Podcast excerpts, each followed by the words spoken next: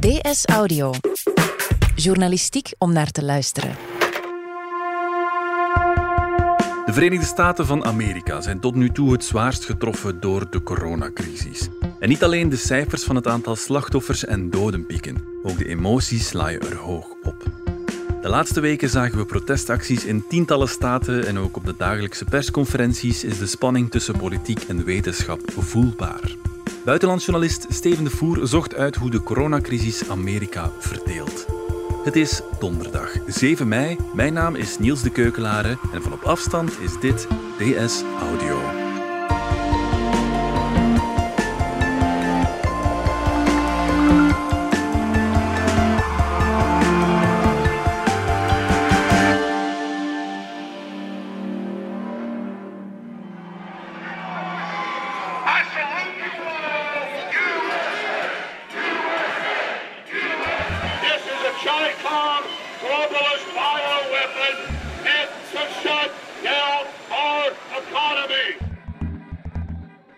Paar weken geleden was er eh, veel te doen rond eh, de protesten die er toch in een eh, 20 à 25 tal eh, staten zijn geweest tegen de lockdown. Daar is ook veel over te doen geweest, omdat het zo opvallend was. Maar waren ook geen enorme menigtes. Maar natuurlijk, ja, als er enkele tientallen, in sommige gevallen enkele honderden mensen eh, staan te betogen rond het kapitool, eh, het parlement van de staat, om te protesteren tegen het feit dat ze niet aan de slag mogen gaan, ja, dat valt wel op. There's no reason to shut the whole state down. 99% of the people, with a one, less than 1% of people that are vulnerable to the, to the virus. And the facts speak for themselves, it's true. En dat valt zeker op als die mensen dan eh, bovendien nog wel vrij herkenbaar zijn als categorie. Je zag daar effectief heel veel Trump-aanhangers met eh, Make America Great Again eh, petten op hun hoofd. En ook behoorlijk wat mensen die gewapend waren. It's in God's hands what happens to me and my health, uh, and, and, and anybody else's for that matter. Het is altijd wel een beetje diezelfde groep van misnoegde mensen, over het algemeen mannen uit de blanke middenklasse, die je telkens weer ziet eh, terugkeren. Of het nu gaat over een protest tegen abortus, een protest tegen gun control, acties tegen eh, te veel privileges, zoals zij dat dan zien, voor minderheden of eh, acties voor meer vrouwen aan de haard. Het is een soort algemene rechtsconservatieve reflex tegen een wereld die zij ervaren als te liberal en te veel tegenover hun traditionele waarden. En een van die waarden is natuurlijk hard werken en niet te veel zeuren over een klein ziektetje. Dus wat dat betreft ja, past dat allemaal in het plaatje. Ja, dus die protesten draaien allemaal rond het niet mogen, of beter gezegd niet kunnen werken omwille van de coronamaatregelen. Dat is in de eerste plaats ja, dat voor eh, dat soort mensen één, eh, inderdaad, zoals ik net zei, hard werken en de economie nogal heilig is. Maar wat zeker ook een rol heeft gespeeld bij die eh, tegenkanting, was dat de eh, grote bulk van de slachtoffers, enfin, de patiënten en ook de mensen die stierven, in het begin specifiek aan de beide kusten lag. Helemaal in het begin in de staat Washington en in Californië. En daarna aan de oostkust, met natuurlijk New York als het grote epicentrum, waar eh, in totaal toch ongeveer een derde van de gevallen zijn genoteerd. We remain deeply concerned about New York City and the New York metro area. About 56% of all the cases in the United States are coming out of that metro area, and 60% of all the new cases are coming out of the metro New York area. Dus dat sterkt de mensen uit het meer het conservatieve heartland van Amerika wel wat in een overtuiging dat dit uiteindelijk gewoon een ziekte was die uh, progressieve liberals aan de kusten, die ze toch niet konden uitstaan, die hen hebben getroffen. En dus waarom zouden zij dan in het heartland, waar het helemaal nog eens een groot probleem was, daarmee de gevolgen van moeten dragen? Wat daar trouwens ook nog bij meespeelt, is dat je in veel gevallen merkte dat het mensen waren uit uh, meer rurale gebieden. Ja. Uh, wat ook niet zo eigenaardig is, omdat ook in die staten die wat meer in het midden van Amerika liggen, specifiek daar het de grote steden zijn. Ik denk maar wat uh, St. Louis in Missouri, Detroit in Michigan, die over het algemeen verpauperd zijn en waar je een grote concentratie aan, aan zwarten had. Dus ook wat dat betreft is dat voor die mensen die meer in het rurale Amerika komen, de ver van hun bedshow. En zeggen zij, moeten wij daarvoor, nou niet gewoon een boterhammetje minder, maar veel boterhammen minder eten voor uh, mensen die ons eigenlijk niet aangaan. Dus als ik het goed begrijp, gaat het wel om een kleine groep van de Amerikanen die op dit moment protesteren. De meesten houden zich goed aan de regels. Het kwam natuurlijk over in de media alsof de half Amerika daarvoor op straat kwam. Dat is nu niet meteen het geval. Uh, je merkt dat trouwens ook aan peilingen. Dat is al weken zo en dat verandert niet. De meeste Amerikanen zitten er meer mee in dat het heropnemen van het normale economische leven te snel zou gaan dan dat het niet snel genoeg zou gaan. Met andere woorden, de, de schrik voor de gezondheid zit er nog altijd wel wat groter in dan de, dan de economische schrik. Ondanks die schrik beslissen 41 staten toch om die economie opnieuw op te starten. Dus men is bang, maar het houdt hen blijkbaar toch niet bepaald tegen. Ja, er is eigenlijk een, eh, een hele grote discrepantie tussen wat je enerzijds merkt in peilingen en anderzijds wat je merkt in de realiteit. Namelijk dat er dus uh, effectief 41 van de 50 staten zijn die uh, de teugels economisch alweer aan het vieren zijn. Mm. Nu is dat in één opzicht al beter te begrijpen dat ze daar sneller mee uh, willen gaan dan bij ons in Europa. Natuurlijk in de eerste plaats omdat, en wat dat betreft moet je de protesterende mensen ook wel wat proberen te begrijpen. Het niet hebben van een vast inkomen is voor een Amerikaan veel erger dan voor een Europeaan. Zij hebben niet het sociale vangnet dat wij hebben. Er bestaat wel iets van een uh, tijdelijke werkloosheid, maar dat zijn veel kleinere bedragen. Dat is voor een veel kortere periode dan alle maatregelen die wij in Europa kennen om mm -hmm. de, de schade een beetje te temperen. En bovendien, we hebben dikwijls het beeld van, van het rijke Amerika, maar in de Verenigde Staten hebben bijzonder weinig mensen een spaarpotje. Uh, het leven is er gewoon harder en een heel groot percentage van de Amerikanen springt werkelijk niet verder dan het einde van de volgende maand bijvoorbeeld. Kan, mm-hmm. kan geen grote tegenslag opvangen. En het is natuurlijk niet helemaal onlogisch dat de solidariteit met uh, andere mensen die ziek worden en misschien wel doodgaan, dat die een stuk minder wordt als je zegt van ja, dat is allemaal goed en wel, maar als ik niet gewoon mijn business terug kan laten draaien, dan, dan zit ik zelf gigantisch hard in de penarie tegen, mm-hmm. tegen volgende maand. We acknowledge and number one that the virus is real and that people have suffered uh, physically and of course number of people have passed away from the virus. We we don't deny that. And our hearts go out to those people and those families. However on the flip side i'm going to use a statement that i've been saying pretty much all week. The cure can't be worse than the disease. En ja, dat is natuurlijk iets als de republikeinse zijde en Donald Trump ook wel begrijpen dat dat sentiment uh, vrij sterk leeft. Mm-hmm. Dus die heropstart is eigenlijk bijna uit pure noodzaak, ondanks dat het misschien niet helemaal veilig is.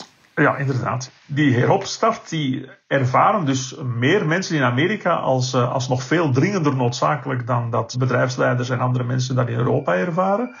En uh, ja, Donald Trump die ervaart het uiteraard ook zo, want die weet ook wel dat uh, als zijn economie nog steeds op apengapen ligt in de herfst, dat, uh, dat zijn kansen om weer verkozen te worden bijzonder klein zijn. Mm-hmm. En dus ja, is het heel duidelijk dat het heropstarten van die economie voor, voor Trump en voor een heel aantal, vooral de Republikeinse gouverneurs, uh, absolute prioriteit is. Mm-hmm. Gaan de Republikeinen met Trump op kop dan in tegen de aanbevelingen van de wetenschappers? Wat Trump betreft zit daar iets heel eigenaardigs in, omdat de man doet iets dat echt als compleet schizofreen overkomt. Er is namelijk door zijn wetenschappelijke adviseurs in opdracht van hem, van het Witte Huis, zijn er een goede maand geleden een aantal richtlijnen opgesteld. Een soort basisrichtlijnen, federaal opgelegd, waar dat ook de gouverneurs zich aan zouden moeten houden voordat ze nog maar beginnen met het liberaliseren van hun economie opnieuw. Mm-hmm. En die zijn ook door Trump zelf toe met veel poeha en fanfare aangekondigd. Big day today at the White House. Tomorrow we'll be having a news conference tomorrow sometime during the afternoon. We're going to be announcing guidelines and we'll be talking about various states and it's very exciting. En van die regels zijn de twee belangrijkste. Dat één, je gedurende een periode van minstens twee weken een duidelijke daling moet zien van de cijfers in jouw staat. En twee, dat er grondig en vrij algemeen getest moet uh, worden in jouw staat. Nu, nog het ene, nog het tweede is het, uh, is het geval. Dat testen dat valt nog altijd heel erg tegen daar in de Verenigde Staten. Ja. En wat betreft die dalende cijfers, ja, dat is het geval in een handvol staten. In New York bijvoorbeeld, waar het zo verschrikkelijk erg is geweest. Ja, daar zijn we heel, heel duidelijk ver voorbij het piekmoment. Is dat sterk aan het afnemen nu. Maar in totaal zijn dat misschien zes of zeven van de vijftig staten. Zijn er een heleboel waar het al enkele weken stagneert. En zijn er nog altijd een, een vijftiental van de vijftig waar het duidelijk nog aan het groeien is.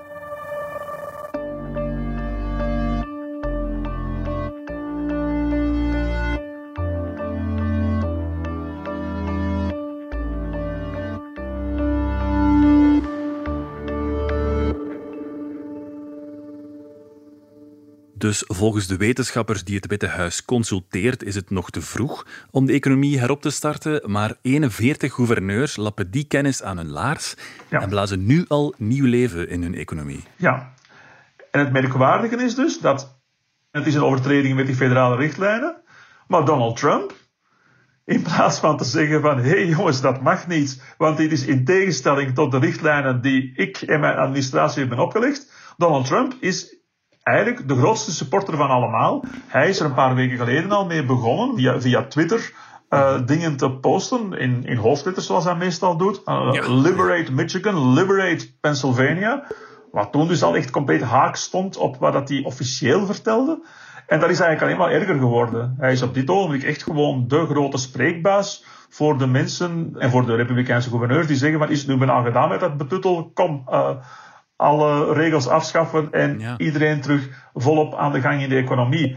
En dat is bizar, dat is niet met elkaar te rijmen. Het is eigenlijk een president die oproept om in te gaan tegen de regels die hij zelf heeft afgevaardigd. Waarom doet hij dat? Denk je, is dat om aan populariteit te winnen voor de aankomende verkiezingen? De reden waarom Trump dat doet is duidelijk. Ik bedoel, uh, hij weet dat hij er beroerd voor staat in de peilingen. Hij weet dat er maar één ding is dat hem kan redden. En dat is dat uh, die economie uit het slop geraakt tegen dat de verkiezingen eraan komen. En dus uh, in zijn uh, media-optredens propageert hij zich zeer sterk als de mens die probeert om zo snel mogelijk de bedrijven terug aan het rollen te krijgen. Maar tegelijkertijd is hij bang dat als daardoor de coronacrisis weer heel sterk gaat verhevigen, dat hij daar de schuld volledig van gaat krijgen. En wilt hij daar ook een slag om de arm houden. En daardoor krijg je dus dat uh, bizarre fenomeen dat hij duidelijk in zijn hart de mensen die zegt van goh, al dat geleuter over gezondheid, we gaan met die economie. Terwijl hij soms op dezelfde dag toch ook weer een klein beetje het tegenovergestelde zegt. Ja, maar wie gelooft die, die man dan nog? Wel, er zijn steeds minder mensen die hem geloven. Enfin, het is te zeggen, er zijn er steeds minder die hem geloven in verband met het antwoord op het coronavirus.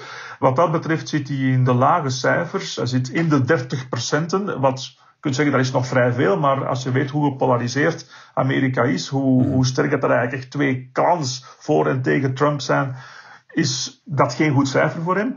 Zeker niet als je weet dat uh, ja, dus de wetenschappers, de mensen uh, zoals Anthony Fauci en Deborah Burks, zeg maar de Van Ranst en Van Gucht van, uh, van de Verenigde Staten, dat daar een zeer groot vertrouwen in bestaat. Mm Voor, bij, bij Fauci bijvoorbeeld ja, is dat boven de 90% van de democratisch stemmende mensen. En toch nog altijd uh, bijna 70% van de republikeinse kiezers. Ja, ja. Wat trouwens natuurlijk ook moeilijk maakt voor Trump om te hard tegen Fauci in te gaan. Want het vertrouwen in die man is gewoon te groot. Mm -hmm. En daar ja, van de weerom staat als hij voortdurend dingen zegt die botsen met de wetenschap.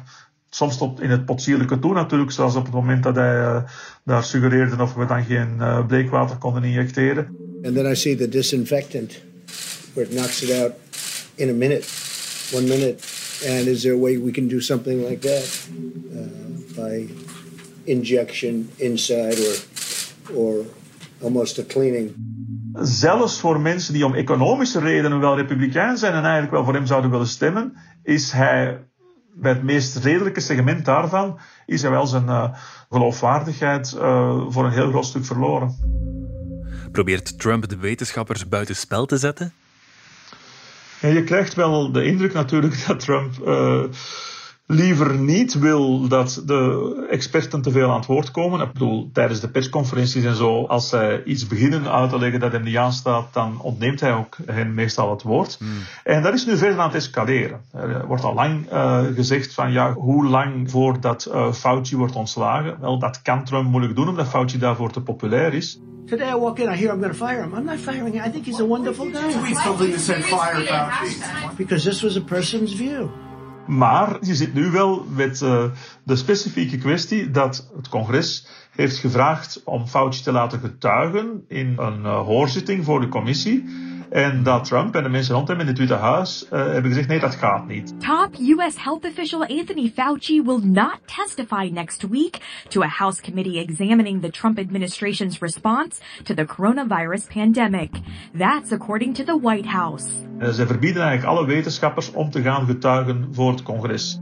Ja, voor alle duidelijkheid, het gaat dus om een hoorzitting over het verloop en de gemaakte keuzes omtrent de aanpak van de coronacrisis.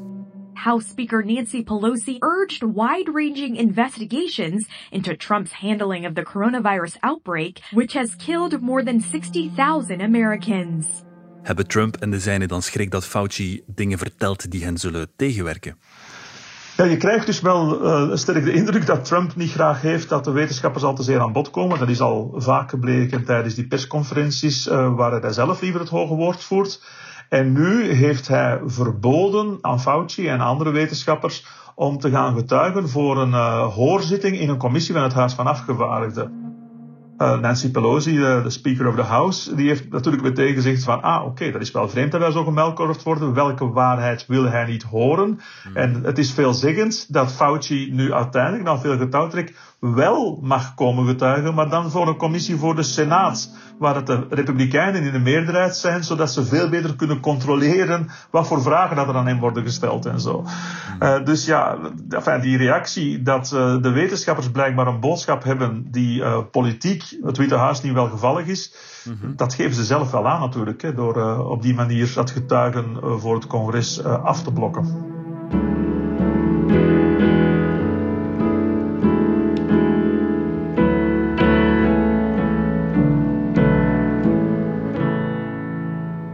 Wat betreft de aanpak van de coronacrisis is de teerling intussen natuurlijk geworpen en is de economie in de meerderheid van de staten terug heropgestart. Ja. Wat nu?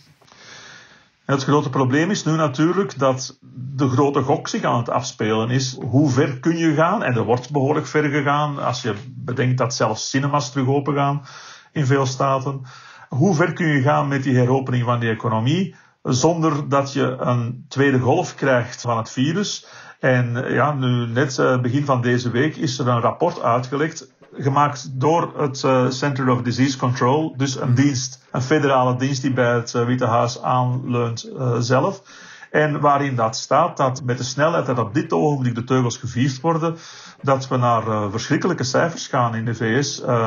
Er is sprake van 200.000 besmettingen uh, per dag en 3000 doden per dag tegen de 1 juni. Dus er wordt daar gewoon gewaarschuwd, doe dit niet, want anders ga je pas echt zien wat er gebeurt. Mm -hmm. En het frappante is dat Trump ondertussen eigenlijk heeft ontkend dat dat rapport zegt wat het zegt, terwijl het een rapport is van een van zijn eigen diensten. Wat betekent dit alles voor Trumps kansen in de komende presidentsverkiezingen? Wel, wat de verkiezingen in november betreft, uh, zegt de logica natuurlijk uh, dat dit uh, bijzonder slecht nieuws is voor de zittende president.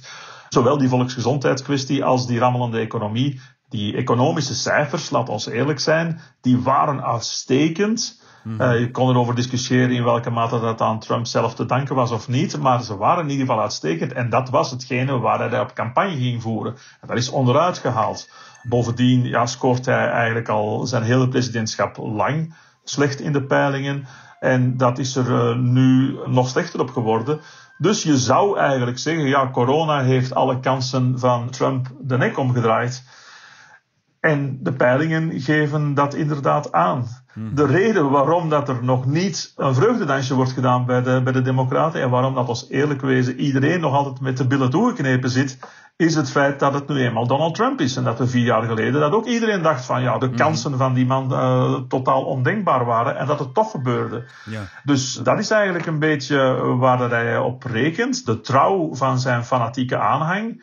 Maar ja, hij, hij, vecht toch wel een beetje een gevecht tegen de bierkaai, omdat veel onbesliste kiezers, na wat er de jongste maanden is gebeurd in verband met corona, nu toch wel echt uh, hun vertrouwen in hem verloren lijken te zijn. Ja. Kortom, het zou, denk ik, een uitgemaakte zaak zijn als de Democraten een echt goede kandidaat hadden. Wat natuurlijk ook niet bepaald het geval is met die uh, veel te oude, veel te onduidelijke, weinig charismatische Joe Biden, die dan bovendien ook nog eens wordt uh, geplaagd met een mogelijk uh, seksschandaal waarvan we nog moeten zien ja. hoe sterk dat, dat de media gaat bepalen de volgende maanden. Maar ja, aan één kant van het mediaspectrum zal dat natuurlijk uh, heel erg worden uitvergroot.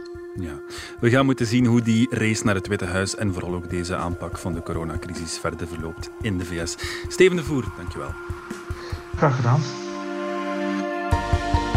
Dit was DS Audio. Heb je vragen over corona? Weet dan dat je terecht kunt op de website www.info-coronavirus.be van de federale overheid. Je kunt ook bellen naar het infonummer 0800 14 689.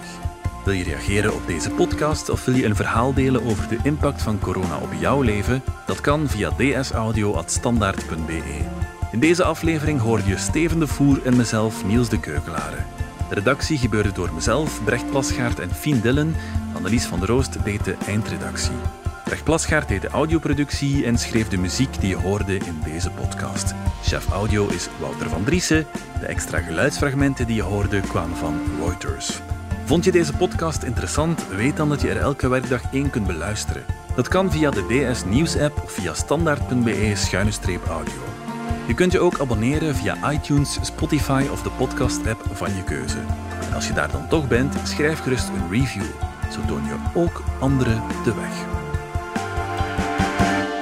Morgen zijn we er opnieuw.